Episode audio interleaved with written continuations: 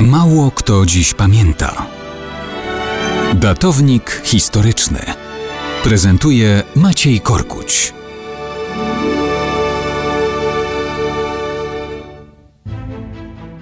Mało kto dziś pamięta, że na początku grudnia 1679 roku długie 91 lat życia zakończył Tomasz Hobbes. Wybitny myśliciel angielski, filozof, twórca oryginalnej koncepcji państwa i władzy. Jego najwybitniejszym i najbardziej znanym dziełem był Lewiatan, wydany w 1651 roku, akurat wtedy, kiedy Polska tłukła kozaków pod Beresteczkiem. To był czas niespokojny w Anglii, czas rewolucyjnych przewrotów i w końcu dyktatury Oliviera Cromwella. Hobbes przez pewien okres musiał się chronić we Francji, potem zdecydowanie preferował silną rękę lorda protektora niż rewolucyjny zamęt.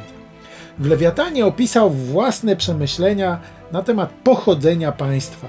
Zakładał, że człowiek w sposób naturalny jest rządzony przez namiętności i egoistyczne dążenie do posiadania rzeczy materialnych, siły władzy, przewagi nad innymi.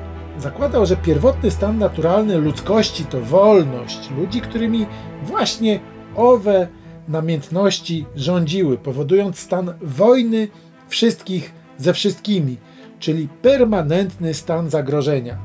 Dopiero instynkt samozachowawczy, chęć zapewnienia sobie i bliskim bezpieczeństwa i pokoju spowodowały, że porozumiano się, aby stworzyć władzę i państwo, cedując na jednostkę lub jakąś zbiorowość prawo do decydowania i rządzenia innymi.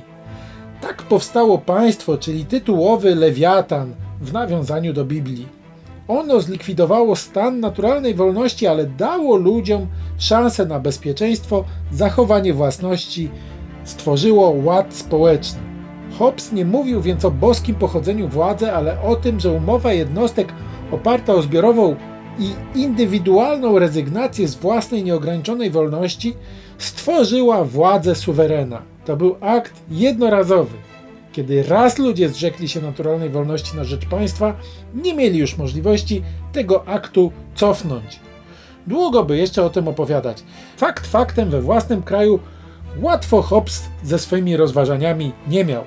Po jego śmierci na Uniwersytecie w Oksfordzie jego poglądy oficjalnie potępiono, a księgi publicznie spalono na uniwersyteckim dziedzińcu.